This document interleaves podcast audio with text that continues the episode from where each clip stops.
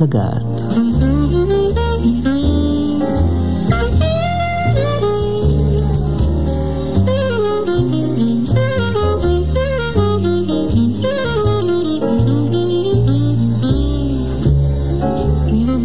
כל ספר בשבילי הוא איזשהו מסע אה, שיש בו איזושהי סכנה, כן. אני, אני, אני מחפש את הסכנות האלה, זאת אומרת, כשאני כותב ספר אני מסתכן בזה שאני יודע שהוא תמיד יהיה קונטרוברסלי, תמיד הוא יהיה שנוי במחלוקת, תמיד יהיו אנשים ש... לא הולך בדרך המלך. ראיון עם הסופר יורם קניוק, סוף קיץ 1994. מראיינת רות קרן.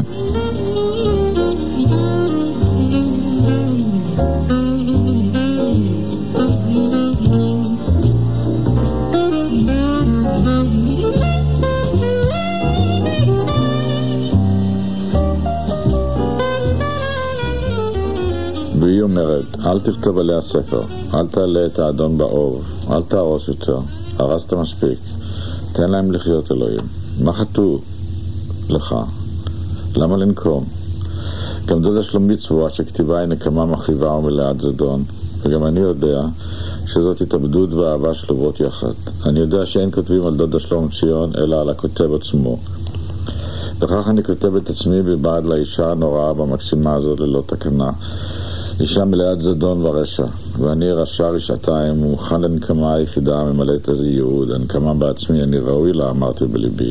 במחזות המציגים אנשים רעים עם הרבה מילים ורשע, רשעים זה לזה, מענים זה את זה, אדם לאדם לבלות. אני רוצה לכתוב על אהבה העולם מבעד כל אלה. שלום יורם. שלום. עוד מעט עשרים שנה מאז כתבת את הדברים האלו. שנים רבות שאתה כותב את עצמך מבעד לאחרים, כואב ונוקם. אבל את הניתוח שלאחר המוות חשפת לאור רק לפני שנתיים לערך בספרך פוסט מורטם. ספר קשה, בו גוללת באומץ רב את מסכת היחסים הסבוכה והכואבת בינך להוריך. קרוב ל-40 שנה אתה כותב, והאכזריות, הטירוף, הכאב, הנקמה והמוות, וגם הכמיהה לאהבה שזורים בכל ספריך. עוד מן הספר הזה שמתוכו קראת קטע לפנינו, זה הסיפור על הדודה שלומציון הגדולה, שהיה גרסה מוקדמת אולי, מרוככת יותר, אסתטית יותר לפוסט מורטם. היום אתה מרגיש שנסגר מעגל הנקמה, שהגיע הזמן שהכתיבה לא צריכה להיות כרוכה יותר בהתאבדות. אתה מרגיש שנפתח בך צוהר לכתוב על אהבה? כן, אני חושב שכן, אני חושב שיתרה מזלי, ויש לי עכשיו לעת זקנה, באה לי עדנה כזאת, ואני עכשיו כבר איזה שנה וחצי או שנתיים, שאני כותב דברים שהם מאוד שונים ממה שכתבתי כל השנים. שונים מבחינה זאת שהם יותר... הם אחרי פיוס מסוים, שבא אחרי משהו שאמור היה להיות פיוס ולא היה פיוס, אבל איכשהו זה כן נעשה פיוס. זאת אומרת, זה פיוס שבעצם, כאילו הוא אומר, זו הבעיה שלהם, זו הבעיה שלי. גמרנו, כלומר, מה אני אשב, אני אתחשבן עם עצמי ועם אחרים. ואז בשנתיים האלה כתבתי שני ספרים ש...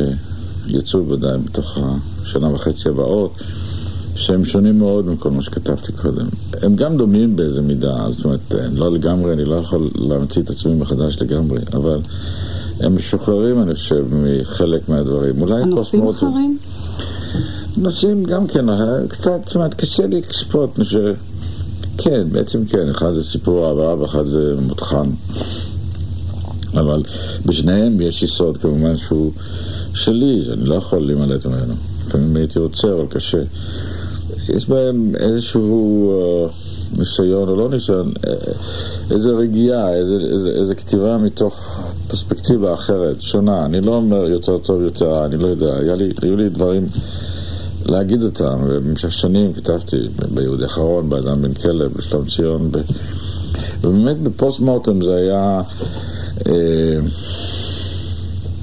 פוסט מורטם, זה לא לגמרי התחשבנות עם ההורים, אני חושב שחלק גדול מה...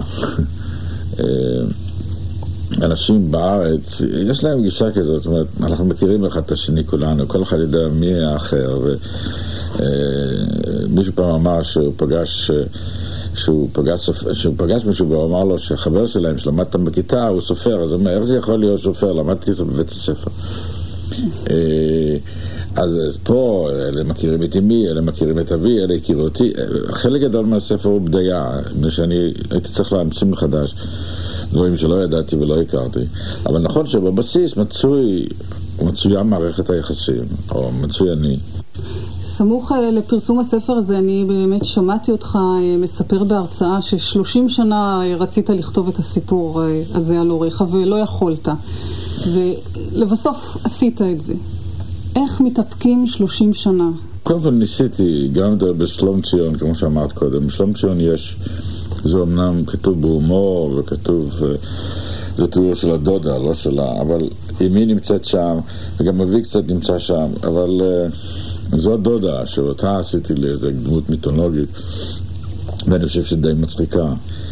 אה, אחר כך בסוס עץ ניסיתי דבר דומה, ובעוד סיפורים, אבל אי, אי אפשר כנראה לעשות את זה כשההורים בחיים. אי אפשר לעשות את זה כשאתה אה, עדיין אה, נאבק עם ילדים קטנים שיש לך. הילדות שלי גדלו, וההורים מתו, ו... אה, הספר הזה התחיל מזה שבאמת, כמו שהספר מתחיל, הוא גם התחיל באמת, אני הייתי בסטוקהולם וישבתי בבית מלון ואשתי טלפנה ואמרה, המשפט שאגב, בשוודיה הם קוראים לספר Darling you have no mother אבל אה, אשתי אמרה, ואני לא רציתי לנסוע להלוויה לא, לא ראיתי אותה קודם, ידעתי ש, שזו פעם אחרונה. ואז הספר התחיל מזה שהתחלתי לחשוב למה אני לא רוצה לבוא להלוויה, כאשר שזה אי אפשר לכתוב את זה לפני שאתה מתחבט אם לבוא להלוויה או לא לבוא להלוויה. אבל באותו רגע שהתחלתי לכתוב זה כבר לא היה... זה האירוע שבעקבותיו התחלת לכתוב את הספר? כן, כן, ממש שם. אני כתבתי תיאור, מה שנורא, שהוא באמת נורא. ואני לפעמים מרגיש באמת אה, תחושה נורא של, של גועל מזה, זה שכשראיתי את אמי בפעם האחרונה באיכילוב, היא נראתה די גמורה, וחזרתי הביתה וכתבתי את התיאור הזה. ובתיאור הזה מופיע בספר, אה, כמו שכתבתי אותו, שיניתי אותו קצת, אבל... זאת אומרת, כתבתי, בעצם התחלתי את ההספד לפני שהיא מתה. בכל פעם שהתחלת לכתוב ספר חדש, אה, היה כאן ישב מאחור אה, הספר הזה, זאת אומרת היית צריך לעצור את היד שלא תשחרר את הדברים אל הנייר, או שנתת להם להיכתב דרך פילטרים אחרים, דרך אה, מסכות, דרך הסוואות. אני לא, אני לא יודע, אני לא חושב, אני חושב שמה שאת, מה שכתבתי הייתי חייב לכתוב אותו, אני בכלל לא מאמין שרוצים לכתוב ספרים. ואם בא משהו ואתה מתחיל לכתוב אותו, בא לך איזה דמות, ואתה כותב אותה, ואחר כך אתה מתרגם אותה מתוך עצמך, מתוך מה שאתה יודע, מתוך איזו ביוגרפיה בדויה או לא בדויה, זה לא משנה לי. אבל סיפורים מתרחשים בתוך תחומים של ביוגרפיות מובהקות שאתה משנה אותם, אתה הופך אותם, אתה בונה משהו אחר. אז יכול להיות שלמשל אבי מופיע באדם בן כלב בדמותו של אדם, או, או אמי בוודאי מופיע במקומות אחרים. אבל זה לא היה סיפור כמו בפוסט מורטום, שבו באמת רציתי לקחת ולראות איך הם פספסו אחד את השני, איך הם פספסו, איך כולנו פספסנו, איך אנשים שבנו מדינה עשו יש מאין, באמת יצרו משהו גדול, כל אחד בתחומו הוא, איך, איך זה קרה ש, שהדברים התגלגלו כמו שהם התגלגלו? אבל מעבר לזה שאמרת, לא העזת לכתוב את הדברים אה, כשהם עוד היו בחיים, היה גם קושי שלך לגעת אה, כל השנים בכאב הזה, היית צריך פרספקטיבה של זמן? אני חושב שכן, יש שם דברים שאי אפשר היה לכתוב קודם, כלומר, יש שם תיאור במקלחת בקיבוץ. וזה איזשהו דבר שחזר עליי, כנראה שהיה טמון בי בפנים איזה גועל או איזו תחושה של מיאוס מעצמי, מאחרים, ו... ואי אפשר היה לכתוב את זה קודם. יש מעצורים שלא נותנים לך לגעת בכמה דברים שהם, ופה בפוסט מורטון בגיל מסוים, בגיל 62 או אחת, אני לא זוכר כמה הייתי כשכתבתי את זה, אבל, אבל כן יכולתי. כן יכולתי, זה כבר, אה, אני כתבתי את זה כבר לא מתוך כעס, אני כתבתי את זה כבר מתוך מה שבא אחרי כעס, זאת אומרת, מתוך כעס אה, אסור לכתוב.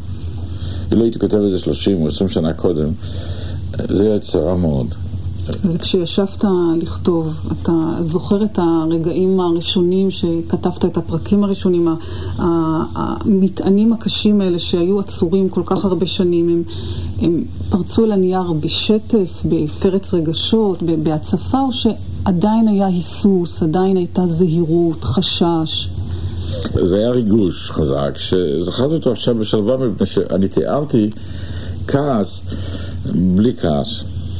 בלי כעס. הכעס לא היה בי יותר. הוא היה בי פעם. אבל זכרתי שהיה כעס. כעס קשה, כעס כבד, כעס שחור, כעס... היום גם על עצמי, בעיקר על עצמי. ותחושה של בוגדנות, של, שלי בהם ושלהם בי, וכל מיני דברים שכל ילד כנראה חש בצורה זו או אחרת. אחרי כל הספר הזה, הוא, אם הוא כל כך אישי, למה כל כך הרבה אנשים הרגישו מעורבות בו? כלומר, זה, זה אמר להם משהו גם כן. אה, ספר, יש לו, ספר הוא תווים, וקורא הוא, הוא חצי כותב את הספר, והמון אנשים. כן, בספרים שלך באמת אה, לקורא יש אה, תפקיד די אקטיבי, הוא לא רק מקבל, הוא, אולי זה אחד הקשיים אה, בקריאה של הספרים שלך, שהקורא צריך גם לתת משהו מעצמו, לא רק לקבל. בספרים החדשים זה יותר קל. ניסיון הכתיבה של הרבה שנים, טכניקת כתיבה, הם הכרחיים ליכולת כתיבה של ספרים מן הסוג הזה? אני חושב שכן, אני חושב שכן, אבל, אבל אני לא יודע... ויחד עם זאת הייתה התרגשות. הייתה התרגשות והיה קושי. אה, הכתיבה והעצירה והשכתוב זה כמעט העיקר, אם אני מתחיל ספר כמו פוסט-מוטום, אז אני מתחיל לספר סיפור. יש שני הורים, משה ושרה, ויש הבן. רציתי לכתוב עליי מה שפחות ויותר עליהם. אבל מגיע רגע בכתיבה, הקסם, אני חושב שהוא נכון לגבי כל כתיבה, ודאי לא רק שלי, זה שמגיע רגע שבו הסיפור מתחיל לכתוב את עצמו, אתה, אתה עוזר לו, הוא, הוא נאבק בך. אתה רוצה להגיד דבר אחד, מישהו אחר רוצה להגיד דבר אחר. וזה בא מתוך זה שאתה יורד יותר ויותר לתוך מעמקים שביום יום אתה לא משתמש בהם. אתה לא משתמש בהם, אתה לא צריך uh, להשתמש ברגישויות כאלה, בדברים כאלה ביום יום. אתה רק, כשאתה כותב, או ברגע שאתה חי משהו אינטנסיבי. עכשיו אתה צריך לשחזר משהו אינטנסיבי, זה כמו, אי אפשר לשחזר כאב, אם כאב לך ראש אתמול, אז מנסה לשחזר את כאב הראש אתמול, אי אפשר. זה פשוט בלתי אפשרי. הטבע הציל אותנו מהיכולת לזכור כאב, אנחנו יכולים לשחזר אותו, אנחנו יכולים להמציא אותו מחדש, אבל לא לזכור אותו. ולכן אה, אה, גם כל הכאב שהיה, של גם נפשי, רוחני, למשל, אתה ילד, ואתה נופל מאופניים, ומשהו קורה, ואתה נעלב עמוקות מאיך אמך, אביך, מי שלא יהיה, יתנהג איתך, ואתה סוחב את זה איתך, זה ישנו שם באיזה מקום. ואז יום אחד או שאתה מוציא את זה על ילדיך, או שאתה מוציא את זה על איזה כלב, או שאתה מוציא את זה על חתול, או שאתה כותב את זה.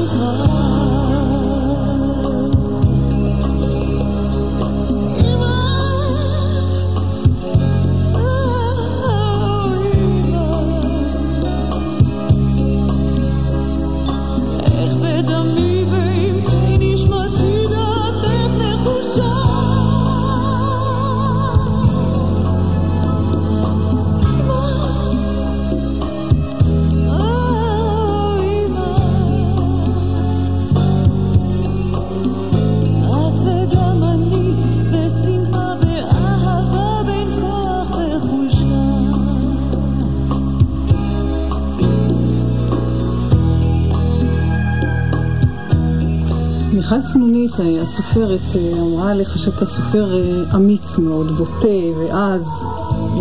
קניוקי אומרת אינו פוחד, הוא ירד לקניונים של הנשמה, הוא ירד וצעק. ואני הייתי רוצה שנרד עכשיו לאחד הקניונים העמוקים שלך בפוסט מורטום. שכבתי במיטה והיה לי חם, ואמא נכנסה לחדר וישבה בקצה המיטה. היא הייתה עטופה בחלוק חלחל, שערה רטוב, רעדה מקור, הביטה בי בעצב ובכתה. סגרתי את הספר ושאלתי אותה מדוע היא בוכה. היא אמרה שנמאס לה, שאני אחזר אליה כמו משה ומתנכר. אמרתי לה שזה לא נכון שאני מתנכר, ואני כן אוהב ונאמן לה. היא רצתה להוכיח לי שאני לא אוהב ולא ראוי לאהבתה, וניסתה להוציא ממני איזה אמת. בכל חשדה. ידעה לגעת בנקודות הכואבות באמת. אמרתי לה שהיא רועדת מקור, והיא אמרה שבסך הכל הרטיבה את השיער, ואם תמות מהצטננות, אצטער. אמרתי לה שהיא לא תמות, שהיא צעירה, שהיא לא מכירה אותי, ושאבא לא ייתן לה למות. בארסיות נעלבת הצהירה, אתה מסוכן ואדיש כמו אביך. שתקתי והבטתי בה. רציתי לחזור לספר, לחלום. היא הביטה בי פתאום ברכות ושאלה אם היא יכולה להיכנס למיטה. היא הבהילה אותי, שאלתי מדוע והיא אמרה כי קר לי. היא ידעה להכות ולהעליב. המוחות שלה לא היו חזקות אבל משפילות, מלאות צדקנות, כאילו אני אשם שנגד רצונה היא צריכה להכות אותי. לפעמים הכתה עם שפתיים קפוצות ובולמוס ניסר. אמרתי לה שהיא יכולה להיכנס והיא נכנסה למיטה ושכבה לידי. תקיפת בנה. אבל בעצם נתפר רכוש, משכון שלה נגד בעלה, תקווה להיאחז בה, לא אותי. התמלאתי גועל, והיא רצתה חום ולא ידעה איך לבקש. לו באמת רצתה, הוא היה בי לתת לה, אבל היא רצתה שיהיה למישהו אחר, ואת החום של המישהו אחר לא היה לי לתת. אתה מרגיש שלפני כתיבה של קטע כזה, של ספר כזה, וגם של ספרים אחרים שאתה כתבת קודם, שאתה צריך לגייס אה, כוחות, אומץ מיוחדים. אתה אה, היית בפלמ"ח, נלחמת בקרבות קשים, אתה מוצא איזה דמיון אה, בתחושה שלפני או במהלך כתיבת הספרים שלך לתחושה של חייל שעומד לצאת לקרב ויודע שהוא הולך לבצע משהו מסוכן? יש משהו באופי שלי שהוא גם נראה לי בסדר, אבל הוא גם מטריד אותי בזה שאני אמ, חייתי חיים מאוד עשירים ומאוד אינטנסיביים, עשיתי כל מיני דברים, היה לי בית חרושת לפלאפל קפוא, הייתי ברמן, הייתי מלאך, הייתי... זאת אומרת, אין לי ביוגרפיה של סופר ישראלי. אה, הסתובבתי בעולם, הייתי במרכז אמריקה, אה, אה, הייתי חסר מנוחה, הייתי שנים. והייתי מנהל תיאטרון, ועבדתי בכל מיני דברים. עכשיו, בכל הדברים האלה שעשיתי, תמיד היה אה, שילוב של פחד נורא ושל צורך להתגרות בפחד הזה. זאת אומרת, אה, כשאני הייתי ילד, אני פחדתי מ... אה, אני חושב שאני, בכיתה ד' עוד הייתה לי בייביסיטר. אבל בגיל 17 כבר הייתי חייל במלחמת השחרור, הייתי אחד, אני חושב שהייתי הלוחם הכי צעיר בהראל. ולחמתי בכמה קרבות שגם הוותיקים והגיבורים הגדולים חושבים שהם קרבות מהקשים ביותר, ועמדתי בהם. זאת אומרת, אז הפחד והצורך אה, לאתגר, אני יודע מה, ללכת עד הסוף, לשרוף את עצמך, הוא קיים מההתחלה עד הסוף. אבל אה, חלק מההסתכנות הזאת, שהיא לא באה מכוח, היא באה מחולשה. שלא... היא גם באה לידי ביטוי בספרים, יכולתי לכתוב ספרים הרבה יותר רהוטים, הרבה יותר uh, בסדר, יותר... טכניקה יש לי, אני יודע איך עושים את זה. אבל אתה צריך לגייס אנרגיה מסוימת בכתיבה, אתה מרגיש שאתה לא, מסתכן? לא, אני לא יכול אחרת. זה מסע, מסע סכנה לגביך כאלה לצאת לכתוב ספר? כל ספר בשבילי הוא איזשהו מסע אה, שיש בו איזושהי סכנה, כן. אני, אני, אני מחפש את הסכנות האלה. זאת אומרת, כשאני כותב ספר, אני מסתכן בזה שאני יודע שהוא תמיד יהיה קונטרוברסלי, תמיד הוא יהיה שנוי במחלוקת, תמיד יהיו אנשים שיגידו, רגע, אני לא יכול לשאת את זה, זה לא טוב, זה רע, זה, זה טיפשי, זה... מפני ש... אני מנסה איזה משהו אחר, אני הולך לאיזה פינה שאולי לא היו בה קודם, זה יכול להיות שלטוב או לרע, יכול להיות שהפינות האלה הן לא טובות, אבל אני לא, אף פעם לא הלכתי בדרך המלך, אז שילמתי על זה מחיר יקר, אבל גם שיל... קיבלתי על זה אה, מחמאות, זאת אומרת, אה, אם, אם אה, ספרים מסוימים שלי זכו להצלחה וגם לכישלון, בעת ובעונה אחת, זה מפני שאני חיפשתי גם את הכישלון הזה. זאת אומרת, אני חושב שאחרי שאתה כותב שנים, אני כותב כמעט 40 שנה, אני חושב שאדם שכותב כל כך הרבה זמן יודע, אם הוא רוצה, איך לכתוב ספר שיעבור חלק. זאת אומרת, אמ, איך לשאת חן בעיני פרופסור זה ופרופסור זה ומומחה זה, ו... וזה לא כל כך קשה. וזה נעשה כל הזמן, ומדי פעם יש איזה... קורה שמישהו מתמרד מהצד המבקר, אבל בסך הכל זה משחק מכור כזה. יש פה איזה משחק שהוא חוזר כחוט השני. יש סופרים שהם מסתכנים ויש סופרים שהם בטוחים. תמיד היו ותמיד יהיו. אני שייך למשפחה של הסופרים היותר מקוללים, הדוסטייבסקי, הפוקנר, המלוויל, הקונרד או אחרים, אני, ואני לא אומר את זה, למשל הנרי ג'יימס ודיקנס וטולסטוי, בלזק, יש סופרים ענקיים, אבל כל אחד יש לו הנישה שלו, הנפשית, הרוחנית. הם היו המורים שלי. האופי שלי תמיד זה להכניס את הראש שלי לתוך האש הזאת. ובארץ מאוד לא אוהבים כשמישהו נוגע באש, כשמישהו נוגע באמת או בכאב. רוצים דלות החומר, זאת אומרת, רוצים פה איזושהי התחכמות כזאת, רוצ... אוהבים. הטון הכללי הוא מין כזה, אל תיגע לי בדברים האלה, אל תיגע בשואה, אל תיגע בזה, אל תיגע פה. כל מיני, יש כל מיני אל תיגע. עכשיו, סופר טוב, מה אכפת לו? הוא נוגע בכל. אני, אני מצפצף עליהם, אני אגע בכל דבר שאני רוצה. אני, אם אני ארצה להרוג את עצמי בפומבי, בכיכר העיר, כדי שיראו את הקרביים שלי תוך כדי כתיבת ספר, אני אעשה את זה. אז יגידו שזה לא אסתטי, אז זה לא יהיה אסתטי, זאת אומרת, לי באמת, אותי זה באמת לא מעניין, אף פעם זה לא עניין אותי. אבל, אבל זה גם fun, זאת אומרת, זה, זה, גם מהנה בסופו של דבר, משחררת לכתוב דברים שכבר כתבו אותם, את מי זה מעניין? אותי סיפק הרבה יותר, למשל, שביתו, שהיה ספר קשה לכתוב אותו, נהיה. לרב מכר, או שחימו היה רב מכר. דווקא ספרים שהם היו קשים מאוד, קשים מאוד, גם המו"לים ראו בהם ספרים קשים. אף פעם יש שגם בדרך אגב פוסט מורטם יחסית נמכר מצוין. זה רק אומר ש, שיש מספיק אנשים ש, שרוצים את ההסתכנות הזאת, שהיא עושה להם משהו שהם אולי בעצמם... תראי, אנחנו הולכים לסרטים, מה, לראות אנשים אה, שמוציאים את ההשפעה בזמן ומנשקים את אימא שלהם ומלטפים ילדים קטנים, הולכים לסרטים לראות גנבים ופושעים ורוצחים. למה? אנחנו רוצים שמישהו יעשה את זה בשבילנו. פשוט. וכולנו מסתתרת איזה אלימות ואיזה צורך להסתכן ואיזה... איזה...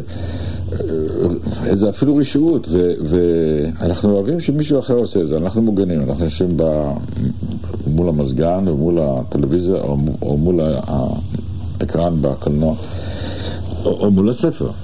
רבים התייחסו לעניין של החשיפה האישית הזו בספר. הייתה הערכה להעזה שלך, ומצד שני הייתה, דיברו על תחושות אה, של מציצנות אסורה, של מבוכה וחוסר נוחות. אתה מרגיש תוך כדי כתיבה שככל שאתה מתקרב אל האישי, האמיתי, האינטימי שלך, אתה מצליח לגעת ב- ביותר אנשים, יוצר הזדהות עם קהל רחב יותר, מגיע לאוניברסלי? תראי, אני, אחרי שגמרתי את פוסט מורטם והוא יצא לאור, וכמה מהאנשים כעסו עליי נורא, והיו כמה מאמרים מאוד חריפים, עליתי למטוס, טסתי לאיזה מקום, לא זוכר לאן. ובמטוס ישבו אולי חמישה או שישה אנשים, הרי ספרים חדשים, תמיד אין כזה. אה, על כל פנים, הסתכלתי עליהם, הם קראו את הספר כאילו שהם, כן, כאילו שהם הכניסו את עצמם לתוך מכונת בשר. אתה הרגשת שהם בתוך הסיפור, היא באה והביאה להם, הציעה להם לאכול משהו, הם לא הבינו מה רוצים מהם. עכשיו ראיתי חמישה אנשים קוראים את הספר הזה באיזה מין הזדהות כזאת. כמו שקוראים ספר כשמזדהים איתו ולא קוראים סתם ספר נניח שבא לבדר אותך. אז חשבתי לעצמי באותו רגע, הסימן שיש עוד חמישה אנשים שאלה היו ההורים שלהם, או שאלה היו החיים שלהם, או משהו, אבל זה לא ככה, זה פשוט, ספר נוגע הרי ב... אתה, אתה מסובב איזשהו בורק כזה, ואנחנו דומים, אנחנו דומים ושונים, אבל לכל אחד היו הורים, ולכל אחד, אצל כל אחד זה התפקשש, ואצל כל אחד זה לא בדיוק הלך, ולכל אחד יש ילדים, ואצל כל אחד זה לא תמיד הולך, זאת אומרת, או לרוב לא הולך. הרי באותה מידה שלי היו הורים, יש לי גם בנות, ולבנות האלה יש הורים. זאת אומרת, גם, גם להם יש סיפור פוסט מורטם, אלא מה? הם אולי לא יכתבו את הספר, זה הכל. פוסט מורטם שנראה לי שהוא חתם איזושהי תקופה מסוימת ביצירה שלך ובאמת אה, פותח אולי תקופה חדשה, אמרת שאתה כותב דברים קצת אחרת. אתה מרגיש עכשיו, אחרי שהדברים האלה כתובים, איזה כבר הקלה? יש... אפשר להפסיק אה, לברוח? לא. אין הקלה? לא. בכלל לא. אז כשנכנסתי לפוסט מורטם, החלק שבי, שמקווה תמיד לדברים האלה, חשב אז זה יפתור לו את הבעיות, אבל אותו חלק שבי גם לא פתר לעצמו את הבעיות וגם לא יפתור אותם אף פעם, מפני שהן קיימות, הם אני, זאת אומרת, אני... הייתי בפוסט מורטום ואינני כבר בפוסט מורטום, זה אבל הכל. אבל בכל זאת עובר עליך איזשהו תהליך, זאת אומרת, אתה, אתה אותו, נשאר אותו אדם לא, לא, לא, כמו... בוודאי, בוודאי שאני משתנה, קורה. בוודאי שאני משתנה, אני רק מתכוון לדברים האלה, הסוג הזה של השחרור, או, או קבלה אישית של עצמך, או, או רגיעה באמת, או... אני לא חושב שיש, עדיין יש בי, גם הפיוס שלי הוא כועס. במהלך הספר הזה היו דברים שיצאו ממך, למשל, בלי שליטה, אה, דברים שהפתיעו אותך או הבהילו אותך אה, בדיעבד. כן, הסיפור עם המקלחת, אני לא... אני, הוא פתאום בא לי, והוא נכון. אני לא חשבתי עליו המון שנים. הוא היה בי באיזה מקום, אבל פתאום הוא בא. חיפשתי את שרה. אמרו שהיא במקלחת של אנשים. רצתי בחצר עלומת השמש והגעתי למקלחת. הייתי מבוהל. קראתי לה לצאת החוצה, היא עמדה בפתח, עטופה במגבת, שיער רטוב ושחור, וקראה לי להיכנס. ואמרתי שאני מתבייש. היא צחקה, אתה ילד גדול. היא פנתה לאיזו אישה שעמדה כנראה מאחוריה ואמרה, הגבר שלי מתבייש. שמעתי קול צחוק צוהל וגס של נשים. לא רציתי להיכנס, אבל הייתי זקוק לה, פחדתי להישאר לבד. היא גררה אותי פנימה לכל צחוקן הרונן של אנשים. ריח חריף של סבון כביסה עלה באפי. המים זרמו, עצמתי עיניים ונאלצתי להתפשט. אני זוכר את הרגע כשקרטעתי עירום ומבויש לעבר המים הזורמים, כמנורו מגוננים כמו מסך. סביבי עמדו נשים ענקיות עירומות. אני זוכר שעל פניה של אמי נראה מין צחוק נלעג. ביני לבינה התקלחה אישה גבוהה שהגעתי ליד המפסעה המפחידה שהתנועה מעליי ברצף. קרבתי לאמי, התחננתי שתוציא אותי משם, הרעש היה נורא, והיינו צריכים לצעוק ולבלוע מים. היא צעקה, רק עוד רגע ילדי. שנאתי פתאום את המילה הרכה הזאת, ילדי. ניסיתי שוב לעצום עיניים, אבל המים המלאים סבון שרפו את עיניי. לא יכולתי לצאת החוצה עירום, ואנשים החלו ללטף אותי ודיברו עליי כאילו לא הייתי נוכח. אנשים המשיכו להתקלח ופרצו בשירה, וגם היא הצטרפה על הבהמות המזייפות, המרופדות בסבון כביסה מסריח, והזויות בתוך עד חמים ועכור. נשמעה נפיחה. רציתי למות, הכל צחקו, לא שרה. לעולם לא אשכח את התענוג המוזר שבעק בעיניה של שרה כששפשפה את עצמה בסבון. אולי המילה היא נבגדות. אמרתי לה פעם, את בעצמך הוא הכעס שכעסתי עלייך. לא היית צריכה לעמוד מעליי עם הגוף על האש שלך ולחמוד אותי במקלחת מול כל הנשים האלו. יש דברים בספר שאתה מתחרט שכתבת אותם? בהחלט, אני חושב שחלק גדול מהחיים זה חרטה על כל מיני דברים, ולמה לא בכתיבה, זאת אומרת, אני לא, אה, לא מזמן, היה לי עכשיו משהו, אה, רוצים להוציא מחדש ספר לילדים שכתבתי פעם, שנקרא הבית שבו מתים הג'וקים משיבה טובה. אני נורא אוהב אותו, זה ספר מאוד אוטוביוגרפי, על, בעיקר על חיות, אבל עליי, על המשפחה, הוא יצא לאור לפני יותר מ-20 שנה. אז העורך הציע לי, הוא אמר לי, תשמע, עבר הרבה זמן, למה לא תשנה? ופתאום חשבתי, כתבתי את זה, מי שכתב את זה כבר לא קיים, מי שכתב את זה לא, איננו נמצא, אני לא יכול. זה לא קונס לכתוב אחר, אבל לכתוב את זה אחרת אני לא יכול. עם כל השגיאות שם, עם כל זה שאולי הסיפור קצת חלש, ואולי אפשר היה להתחיל את זה יותר טוב ולגמור את זה יותר טוב. ומה שאותו עורך, שאני מאוד מעריך ומאוד מכבד, ביקש, היה מאוד לגיטימי, אבל אני שכתב את הספר כבר איננו קיים, אני משתנה. אז אם אני אכניס עכשיו משפט אחד לתוך הספר הזה, זה כבר יהיה זיוף. אז יכול להיות שאני יכול לקחת ספר שכתבתי פעם ולערוך אותו, להוציא ממנו דברים, זה כן. אבל להוסיף, או... או אני, אני חושב שזה, שזה... יש אנשים שעושים את זה, אני תמיד לא מבין איך, איך הם מסוגלים, איך הם מסוגלים להכניס את עצמם היום לתוך סיפור שהם כתבו כשהם היו אחרים, כשהעולם היה אחר, כשהמציאות הייתה אחרת. אה, אז אני לא חושב שאני אשנה את הספר. ציטטת פעם את פרויד, אה, שהוא אמר על גתה שהוא כתב 200 ספרים אה, כדי להחביא את עצמו. Mm-hmm. ואז טענת עוד שגם בכתיבה החושפנית ביותר, הסופר עדיין מחביא את עצמו. אתה כל השנים חושף ומסתיר ומגלה ומחביא, ובכל זאת נשאר עוד משהו להחביא אחרי uh, הספר הזה, אחרי ספרים אחרים? יש... המון. עוד לא המון. לא נחשפת עד לא, הסוף? לא. ואני שזה הכל, זה, זה, זה, קודם כל זה משחק מחבואים כזה, אתה מתחבר לעצמך ופתאום אתה צועק פוס, אני לא משחק, אתה כן נכנס למשחק. ושנית, אה, יש בנו כל מיני רבדים. יש בי רובד פוליטי שכועס מאוד, ויש בי רובד אחר שאומר כל הפוליטיקה לא שווה כלום, ויש בי רובד שאומר צריך לעשות שלום, ויש בי רובד שאומר זה לעולם לא יהיה, ויש בי כל מיני אנשים שמתחבאים, שעושים בתוכם איזה מאבק, ואני מחליט. אה, בפוליטיקה או בעיתונות או בחיים עצמם זה יותר קל, אבל בכתיבה אי אפשר להחליט את ההחלטה הזאת, ואז הדברים מחליטים בעד עצמם, אז תמיד מתגלה משהו אחר, תמיד יש איזה משהו שמציץ מאחורי זה. פתאום אה, הספר האחרון שכתבתי, שיצא אולי בחורף, יש שם דמות שפתאום, זה, זה סיפור לא עליי ולא על עצמי ולא על הוריי ולא על אף אחד, אבל יש שם משהו שהוא מאוד אישי, ואני לא שמתי לב עד שקראתי את זה עכשיו. ו, וזה אחר לגמרי מהאישי שהיו במקומות אחרים.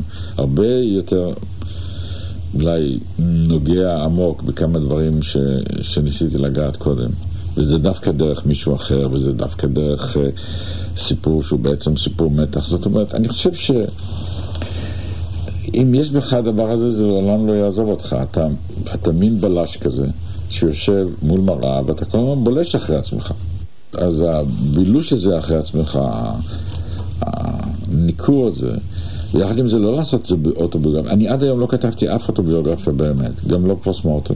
היחיד שדומה לאוטוביוגרפיה זה הג'וקים, הספר, הספר על הג'וקים. מפני ששם אני האבא הזה שכל הזמן מודיע שהוא הולך לעזוב את הבית, נמאס לו מהבעלי חיים, יש יותר מדי חיות, ובסוף אני תמיד חוזר כמו... ואני באמת ככה. אני תמיד בורח ואני תמיד חוזר. תמיד.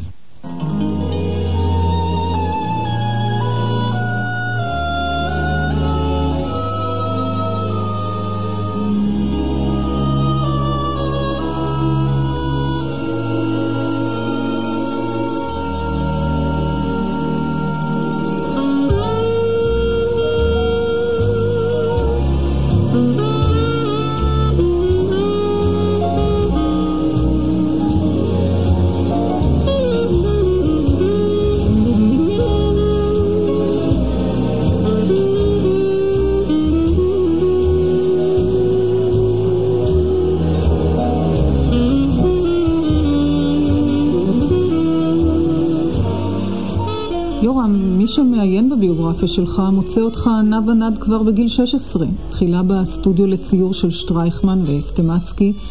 אחר כך בפלמ"ח אתה משתתף בקרבות קשים כמו נבי סמואל, קסטל, קטמון. אתה נפצע. אחרי המלחמה אתה גולה לניו יורק לעשר שנים, מצייר שם ומצליח, ואחר כך אתה חוזר אל הכתיבה. חוזר גם לארץ ופונה לתיאטרון, לעיתונות, ובמקביל כותב גם את אדם בן כלב ואת חמו מלך ירושלים. ולמרות כל אלה, אתה אומר באחד הראיונות שנתת, אני לא סיפור הצלחה. עד גיל 40 הייתי כישלון מוחלט. מדוע? הביקורת לא פינקה אותך, הקליקה הספרותית לא חיבקה אותך, לא מצאת לך קבוצת השתייכות? זה לא עניין שלא פונקתי או כן פונקתי, אני אף פעם לא הייתי שייך למשהו. ממה פעם... אתה בורח? מעצמי כנראה, אני יודע, אני לא... אף פעם לא הייתי חסיד גדול שלי. אבל בשביל אה, שכחת באמצע עוד דברים. עכשיו, אני רציתי, החלום הגדול ביותר שהיה לי אי פעם בימי חיי, היה להיות מסגר מכני, לכן למדתי בבית ספר מקצועי בחיפה. והייתי כישלון מוחלט, מפני שלא היה לי כישרון גדול. כל כך רציתי להיות טרקטוריסט, או מסגר, או, או נפח, או פחח, אני יודע. ובאותו זמן כתבתי סיפורים.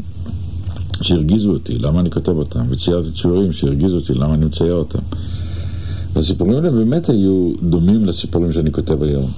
אבל לחשוב שבתקופת... Uh, מה שנקרא ספרות הפלמ"ח, אני כתבתי סיפורים על, על הרוגים ועל אנשים עם, עם, עם, על עורבים ועל כל מיני דברים משונים ועל כל מיני דברים שהם מאגיים כאלה, פנטסטיים, זה לא היה מקובל, ובצדק, זאת אומרת, שוב, אני לא בודק, אני לא אומר, הם כתבו אז ספרות ריאליסטית מאוד, ופתאום בא בחור צעיר וכותב דברים שאי אפשר לקרוא אותם. זה, אני לא, לא מאשים אותם, אף פעם לא כעסתי עליהם על זה.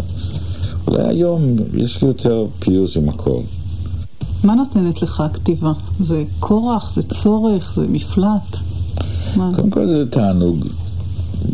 זאת אומרת, אה, אני נורא נהנה לכתוב, פשוט נהנה, אני אוהב לכתוב. לא, גם כשאתה מתפלש כן, בסבל כן, אתה נהנה? זאת אומרת, יש כאלה שאומרים שהם סובלים וזה וכאן, ואין ספק שהכתיבה נוגעת בסבל ואני עוסק בסבל, אבל אני אוהב לכתוב על הסבל הזה, זאת אומרת, זה, זה כיף. תראה, אתה לוקח את הדברים הכי קשים שלך, סבל ועצב וחרדה ופחדים וזה שאתה לא יכול לישון בלילה וכל מיני דברים, ומישהו היכה אותך ומישהו בגד בך ומישהו לא אהב אותך. ואתה יושב וכותב סיפור על זה, זה כיף. זאת אומרת, מאיזשהו מקום... זה גם המון כוח. יש כוח מאוד גדול לסופר בעצם, כל הבריאה של עולם חדש, של דמויות, של מערכות יחסים. התחושת הכוח הזאת מפצה על איזה חוסר ביטחון, יכולה להיות אה, לגביך אשליה לאיזושהי שליטה בחיים, אפילו לזמן קצר? אני לא חושב, לא, מפני שזה תמיד נשאר. הבעיות נשארות, ואתה רק אה, חוזר, ואתה... מתפלש בהם, אבל מת, אני מתפלש בהם מתוך עונג, זאת אומרת, אני מתיישב בבוקר וכותב כמה שעות שאני יכול. וזה נותן, תמיד היה קשה, זה לא, זה לא שלא היה קשה, היו לי תקופות עוצמה? קשות מאוד, לא. באותו רגע שאני כותב, כן. גם עוצמה וגם השתחררות וגם כיף, אני שוכח את הכל, אני אפילו לא... נניח אם יש לי כאב ראש, אני שוכח את כאב הראש. או אם יש לי חובות, אני שוכח את החובות. או אם... Uh, ו- ויש לי תמיד חובות, זאת אומרת, אני צריך כמעט כל יום לשכוח אותן. אבל, אבל באותו רגע זה קורה לך, זה, זה, אני חושב שאם מישהו כותב כמקצוע, הרי זה מקצוע נורא ואיום. זה גם לא משתלם, וגם קשה, וגם ארוך, וגם בעייתי, וגם שונאים אותך, וגם... אה, מי צריך את זה? זאת אומרת, אבל הדבר הכי טוב בכתיבה זה שיש כיף לכתוב. זה איזשהו דבר ש... זה אפילו יותר משציור, אפילו יותר ממשחק, מהבחינה הזאת שאתה משתמש בדבר הכי יומיומי שזה מילים. אתה משתמש בדבר הכי פשוט שזה קנאה ואהבה. זאת אומרת, אי אפשר לצייר קנאה. אי אפשר לשחק קנאה, אתה משחק קנאה של מישהו אחר, אבל לתאר אותה בתוך ספר. אה, זה להשתמש בדברים שהם הכי, הכי מכוערים בכך. איך באמת התחומים האלה שהזכרת, תיאטרון, אה, אה, עיתונאות, אה, תחומים, תחומים האחרים שעסקת בהם השפיעו על הכתיבה? למשל סוס עץ, שהוא כתוב בהבזקים, באסוציאציות, ויזואליה מאוד עשירה. איפה אתה רואה את טביעת המכחול של הצייר על הסופר למשל? כל דבר שאני כותב, הדמויות הכי צדדיות, הסיטואציות הכי בנאליות, הם דברים שאני רואה אותם בעין. אז במקומות מסוימים זה אולי יותר מודגש, כמו בסוס העץ, שם האסוציאציות והתיאור הוא, הוא יותר אה, כמו שרואים איזה סרט או, או משהו כזה. עכשיו, שאלת על תיאטרון, אני לא יודע, אני, יש לי אהבה גדולה לתיאטרון. אה, הייתי נשוי, אשתי הראשונה הייתה שחקנית ורקדנית, והייתי קשור לתיאטרון, והייתי מצייר בתיאטרון. ואז uh, התעניינתי בתיאטרון, ויש בתיאטרון מיידיות שאין בשום מקום אחר. כשאני כותב ספר, אני יושב לבד, לבד, לבד, אדם עומד על הבמה, ופתאום מולו 500 איש מסתכלים עליו. אבל uh, העולם הזה של התיאטרון שבו דברים מתרחשים ברגע, זה כמו אלה שכתבתי פעם על פסל שמפסל במים. זה פיסול במים, זה או פיסול בקרח. אתה, אתה עושה פסל נפלא בקרח, וכעבור שעה הוא נמס וגמרנו. יש משהו ב... בפיסול הזה במים או בקרח שקוסם מאוד, שהנצחיות שלו היא קצרה מאוד, אבל היא מאוד מאוד חזקה, יש בה עוצמה. בעוד שספר זה משהו שעומד, ואחרי חמש שנים מישהו קורא אותו, ואחרי עשר שנים עוד אחד קורא אותו. ו... איזה אדם אתה הופך להיות בזמן הכתיבה? יש, יש בך השתנויות אה, פיזיות, אני יודעת, אתה משמין, אתה מרזה, השתנויות נפשיות, אתה אגרסיבי לסביבה, אתה מנותק מהסביבה, קורה לך קשה, משהו... קשה במ... לי עם הסביבה. בזמן הכתיבה אני... זאת אומרת, הכתיבה היא, היא, היא הופכת להיות... זאת אומרת, כשאני בתוך ספר קשה לי מאוד. נגיד לתפקד כ, כאב, כ, כבעל, כחבר. אני יכול מדי פעם, אני יודע, אבל לפני שבועיים הרגשתי שכבר מזמן, מזמן לא יצאתי לפנות ערב. הייתי נוהג מדי פעם לצאת לפנות ערב, לשבת בבית קפה, ככה סתם. אמרתי, די, מספיק. לקחתי את המכונית, נסעתי לאיזשהו בית קפה, התיישבתי, נכנסתי פנימה, התיישבתי, הזמנתי בירה. וגם לשבת שעה ולהסתכל, דרך אגב, בחורות יפות, צעירים, מדברים, זה מין בית קפה כזה שאני אוהב לשבת בו. אחרי חמש דקות קמתי והלכתי. אתה, אתה כל הזמן נמצא בתוך ריאליה אחרת שהיא כולה מילים. לבדיה יש אה, תפקיד אה, מרכזי בספרים שלך. היא חיה בכפיפה אחת עם המציאות, הגבול ביניהם אה, מטושטש. קרה לך שהלכת לאיבוד בין התחומים, שהאמנת פעם בבדיה שאתה עצמך יצרת? בטח. יש גם דברים שלפעמים דמיינתי ואחר כך הם גם קרו, זאת אומרת, זה עוד יותר נורא. מאז שאני ילד, אני זוכר, הייתי תמיד ממציא את עצמי לסיטואציות וממציא סיפורים. זה, קוראים לזה בעברית שילולותית, קוראים לזה לבלף, זאת אומרת, לא לשקר. לשקר זה להגיד, אני רוצה את זה וזה בגלל זה וזה, אבל, זאת אומרת, להמציא איזשהו סיפור, איזשהו סיפור טוב. יש לך יחסים מיוחדים עם הדמויות שלך, נכון? כן. אה, אתה אה, נקשר אה, לדמויות מסוימות, נקשרת לדמויות מסוימות יותר מאשר לאחרות? יש...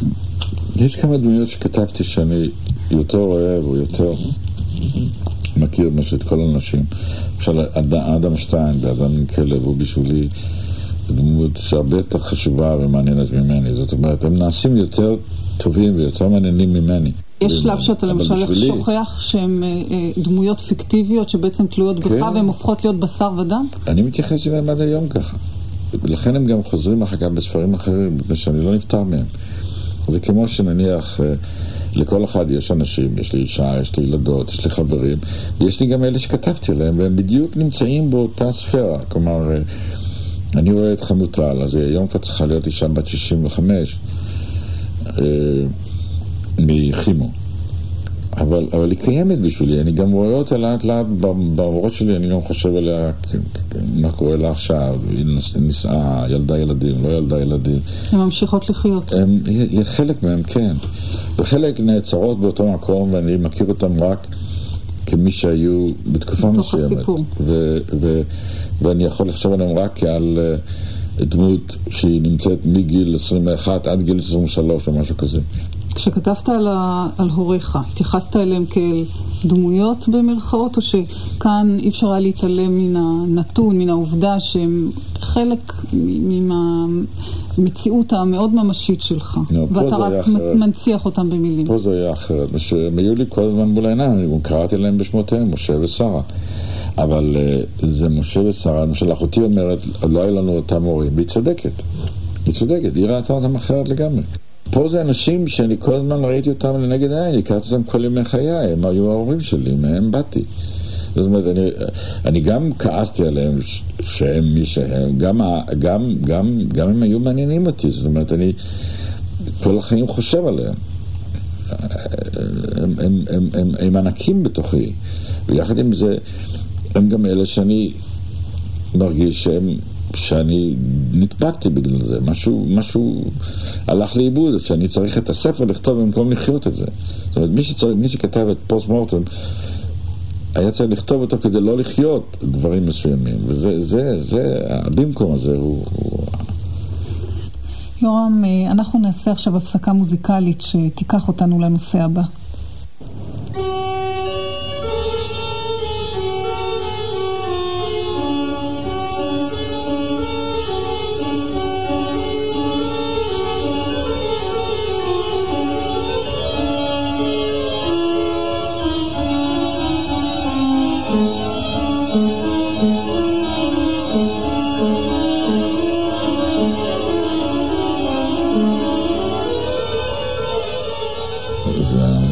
הקטנה של באך, אני קודם כל אהבתי אותו מאוד כשהייתי ילד, תמיד היה... זה ליווה אותי, וגם יש לי זיכרונות ממלחמת השחרור, שחברים שלי היו משמיעים את התקליטים, ואני מהכפרים הערבים, ואני רציתי לשמוע, ו... ניפצו לי אותה, ואחר כך היה סיפור שלם שקשור לפוגה הקטנה שתמיד חוזר אצלי. כן, אתה כתבת אותו פעמיים, שאני מכירה בכל אופן, פעם בחמו, מלך ירושלים, ושוב בפוסט מורטם, ושם אתה כתבת, אולי בכל חיי לא אהבתי את משה ושרה כמו שאהבתי אותם אותו יום באור המסמא שחדר דרך חרך האוהל, כשישבתי עם הגרמופון והפוגה הקטנה שמעולם לא נוגנה במקום זר לה יותר מזה. המוזיקה שהיית תקופה מסוימת עבד לאובססיה סביבה, הופכת כאן לערוץ שאתה מבטא דרכו באחד הרגעים הנדירים, אני חושבת, אהבה. כן. אם יש לי אהבה, אני חושב שכלפי אבי, נתן לי איזו אהבה, גם, גם כעס גדול, אבל אהבה, זה בעיקר דרך המוזיקה. זה בעיקר דרך ה... האהבה הנוראה שלו למוזיקה וה... והנאמנות שלו למוזיקה והעבודה שלו עם מוזיקה והטעם שלו למוזיקה, בכלל היה איזשהו טעם מעולה אבי. אז הקטע הזה, כשאתה פתאום שומע בהרי ירושלים שם, באיזה אוהל מול מוות מסביב, בלי אוכל ובלי מים, וכולם משמיעים תקליטים שזורקים אותם אחר כך על הסלעים ומנפצים אותם. ופתאום המוזיקה הזאת נכנסת לתוך המקום, זה משהו שכנראה נחרט עמוק. ו... למעשה יש איזה סיפור, סיפור מרכזי שאתה מספר כבר 40 שנה, ובעיקר אתה מטפל במערכות יחסי הורים-ילדים, בקשר שלהם עם המוות. עוד בסיפור הקצר שלך על מות אמהות, אתה זרעת את הניצנים למה שאחר כך יהיו הרומנים שלך. איך אתה רואה את הגלגול של הסיפור הזה במשך השנים, את ההתפתחות של היצירה שלך במשך השנים, דווקא בגלל שזה איזשהו תמה חוזרת? תראי, אני, אני, יצא לי, לצערי אני אומר, יצא לי, אה, לעבור כמה חוויות קשות מאוד בילדותי, אבל הן לא היו קשות יותר מחוויות אחרות, אבל אחר כך, במלחמת השחרור היה הקרב הזה שבו בעצם במשך שעתיים, או שעה וחצי או שעתיים, אני לא יודע, ירו כל הזמן בנו. היינו, שכבנו כאילו היינו מתים, וכולם כמעט מתו מלבד שלושה, שאחד מהם הייתי אני. זאת אומרת, באיזשהו מקום, החוויה הכי חזקה של חיי, בגיל 17, הייתה שבעצם הוצאתי להורג במשך שעה וחצי, שעתיים. עכשיו, מי שעבר חוויה כזאת, וזה לא כמו מלחמה, וזה לא כמו קרב, זה לא כמו שום דבר, אתה שוכב, אסור לך לזוז, ואתה יודע שעכשיו תמות, ואתה לא מת, ושוב פעם תמות, ולא מת. מאז אני חושב, כל הסיפורים שלי, וכל מה שאני כותב, איכשהו מתקשר לסיפור הזה. זה על היחס למוות, וזה הקשר שלי עם עצמי, ועם... אז אולי גם לזה נכנס הפוגה הקטנה, וזה נכנס אבי עם, ה, עם היחס האמיבלנטי שלו למוות ולחיים ולארץ ישראל ולגרמניה, כל מיני דברים ש, ששם התרחשו בקטע הקטן הזה, אני רואה בהם אה, איזשהו בסיס כמעט לכל. עכשיו, זה לא צריך לעניין אף אחד, זה לא עניינו של אף אחד, זה ענייני.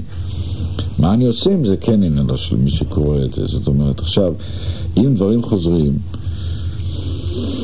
ושבים וחוזרים, זה, זה, תמיד זה ככה, בכמעט כל ספר חוזר וכותב בעצם אותו ספר, אבל, אבל השאלה היא מה אתה אה, עושה עם הספרים האחרים האלה, איך אתה, איך אתה מפתח את התמה הזאת, את, ה, אה, את הנושא עם וריאציות, אני נורא אוהב את השער של שוברט, עם ה, אז יש לך תמה ואחר כך יש וריאציה ועוד וריאציה ועוד וריאציה ועוד וריאציה, וכל הזמן נשאר. עכשיו, כל הכתיבה שלי זה, זה נושא עם וריאציות. אתה בין היחידים אולי ש, שכותב על הורות כך. אה, אה, הוא כל כך אה, מורכב אצלך, המושג הזה הוא טראומטי, הוא, הוא, הוא נראה לי שהוא אחר מאיך שנאמר רובנו חושבים שזה. זה בגלל שאתה היחידי שמעז להגיד מה שאנחנו לא, לא, לא אומרים, או שלגביך זה פשוט מושג אחר.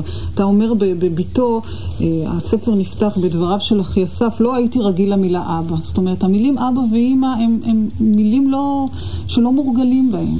למה זה כך? למה ההורות תפורה כל כך למוות? אני לא יודע. אני לא יודע מה להגיד לך. אני, אני, אני אה, מנסה לתת תשובות, לא תשובות, אני שואל את השאלות האלה כבר 40 שנה, ובכל מיני צורות. אני לא שואל סתם שאלות, אני כותב מה, סיפורים, אני מספר סיפורים, אבל הם עוסקים בזה. כנראה שזה איזשהו דבר שקרה לי בגיל מאוד מאוד צעיר. ומשם, אה, אני משם משקיף על כל מיני, אני רואה אנשים, אני מסתכל, ילדים, הורים. בסך הכל, מה זה, מי לא כותב על הורים וילדים? מי לא חי את הבעיה של הורים וילדים? איפה אין, אין קיימת הבעיה הזאת? זאת אומרת, אה, היא רק שכאן היא יותר מחודדת, היא יותר... אה, אבל אני לא יכול לענות באמת, אני חושב שזה מישהו אחר צריך לענות, למה הם לא ואני כן. הדמות של, של האב, אתה הזכרת את אה, אביך, אה, למשל, אחי אסף אה, בביתו, הוא, הוא מאוד מזכיר את משה, למרות שהם שונים מאוד אחד מן השני. אחד הוא קצין בכיר בצבא, שלוקח את משפחתו לפיקניק כדי להראות להם טנקים, ומשה הוא בכלל איש רוח, מנהל מוזיאון, אבל יש ביניהם, יש בהם משהו מאוד דומה, האובססיה הזאת להשליט את העולם שלהם הסובבים אותם באיזשהו חוסר אה, רגישות. אה, אתה כותב, ולמדתי ממשה לא להשתין לתוך המים באסלה כדי שלא ישמעו ולא לגהק, לא להפגין רגשות. זה אורח חיים צבאי כמעט. Mm-hmm. זה, זה היה איזה פתרון ביניים שלך כשכתבת את אחי אסף, עד שתוכל לכתוב את משה כפי שהוא? לא, זה, זה דברים שחוזרים. זה, תראי, אבי היה קם בחמש ועשרים בבוקר, היה שומע את אבי בשיא עד חמש ושלושים, היה מתרומם מהמיטה, היה קורא ספר, היה הולך לבית שימוש באותו זמן בדיוק, היה שם את המים לת... חוזר. זה איזשהו דבר ש... שזה נשאר לי, זה כמו... זה כמו... אני יכול עד היום לראות בוקר אצלנו בבית, זה היה כמו איזשהו טקס דתי, צבאי, מיליטריסטי, אה, או, או כל טקס אחר, זה היה טקס עצום, כל החיים שלנו היו טקס אחד גדול, אני הייתי בתוך טקס. ואז כמי שהיה בתוך טקס וראה את הטקסים האלה וחי אותם, אני, אני, זה השפיע עליי, אז הסיפורים שלי הם גם טקסים, הם גם מיתים מהבחינה הזאת שהאגדה הופכת למציאות ואז היא נעשית טקס. כן. איזה ח... ריטואל. חמותה על אה, ביתו אומרת אה, בסוף מונולוג שבה היא טוענת כלפי אביה שהוא לקח אותם אה, לראות את בוקר הפריצה בחמישה ביוני. בסוף הקטע הזה היא אומרת, הכל סיפור אחי אסף, בסוף הכל סיפורים, אני אימא אייל כולנו. גם אתה עשית שימוש בקרובים שלך לסיפורים, אתה מרגיש על זה אשמה לפעמים? כן, בטח. בטח, הבנות שלי תמיד צוחקות. בטח שאני עושה, אני, אני כל הזמן, אבל אני לא, לא רק אני, כל אמן הוא, הוא, הוא זייפן פה, כל אמן הוא רמאי, כל אמן הוא עושה את השקר הזה, שהוא הוא חי, ובאותו זמן הוא גם כותב את הסיפור.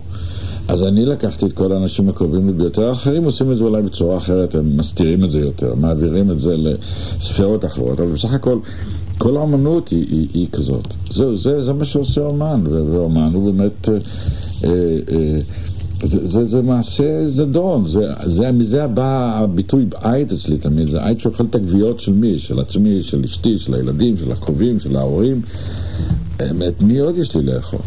אני רוצה לסיים בעוד קטע שאתה כתבת בסיפור על דודה שלומציון. אתה אומר שם, כתיבה היא מחקר על החיים מנקודת מבט של נכות מסוימת, של ליצן עצוב המנסה להבין ולנסח במדויק מדוע שרירי פניו צוחקים, ואילו בתוכו משהו שבור שאין לו תקנה. לו היית צריך לכתוב היום על המקצוע הזה כתיבה, היית כותב את הדברים האלה? היית כותב דברים אחרים? הייתי כותב את זה גם כן, אבל אולי עוד משהו. מה, אני לא יכול להגיד לך, אני לא יודע. זאת אומרת, אין, אין סיכוי שהנכה יחלים, שהליצן יצחק, יצחק בתוכו, שהשברים יתאחו? לא. בשום פנים ואופן לא.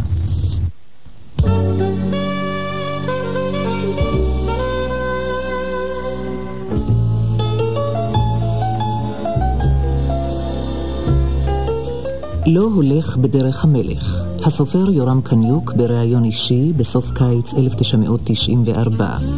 ראיינה רות קרן, קטעי קריאה אסף לוי. ערכו רות קרן וחנה מיטלר.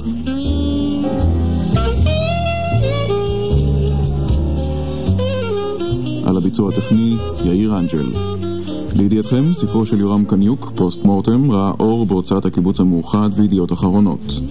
ובשבת בבוקר, במילים שמנסות לגעת, תוכנית על אברהם שטרן, יאיר, חייל ומשורר.